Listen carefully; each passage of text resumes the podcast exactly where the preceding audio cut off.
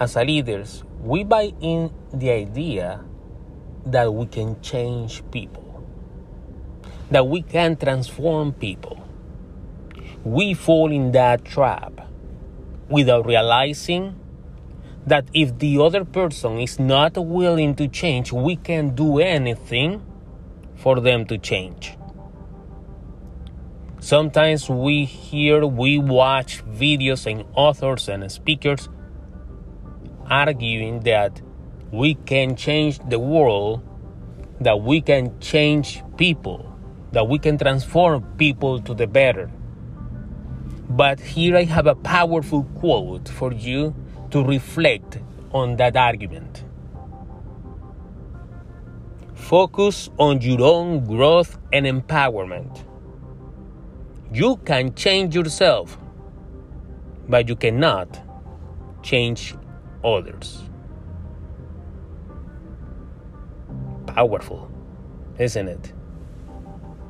That's what you have to do. As a leader, you have to focus on your own growth and empowerment. And you can change yourself. The most we can do as leaders is to show and lead by example.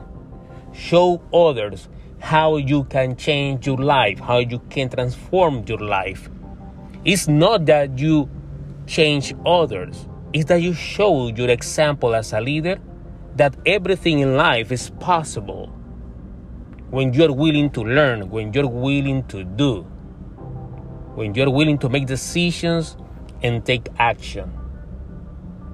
That's how you may inspire others to make adjustments and changes in their lives. But your focus, your real focus, is on empower yourself, on growing yourself.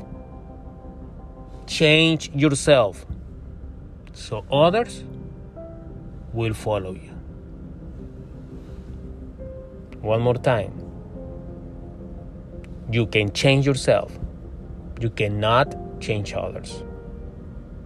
Inspire them so they will be able to make the best decision for them.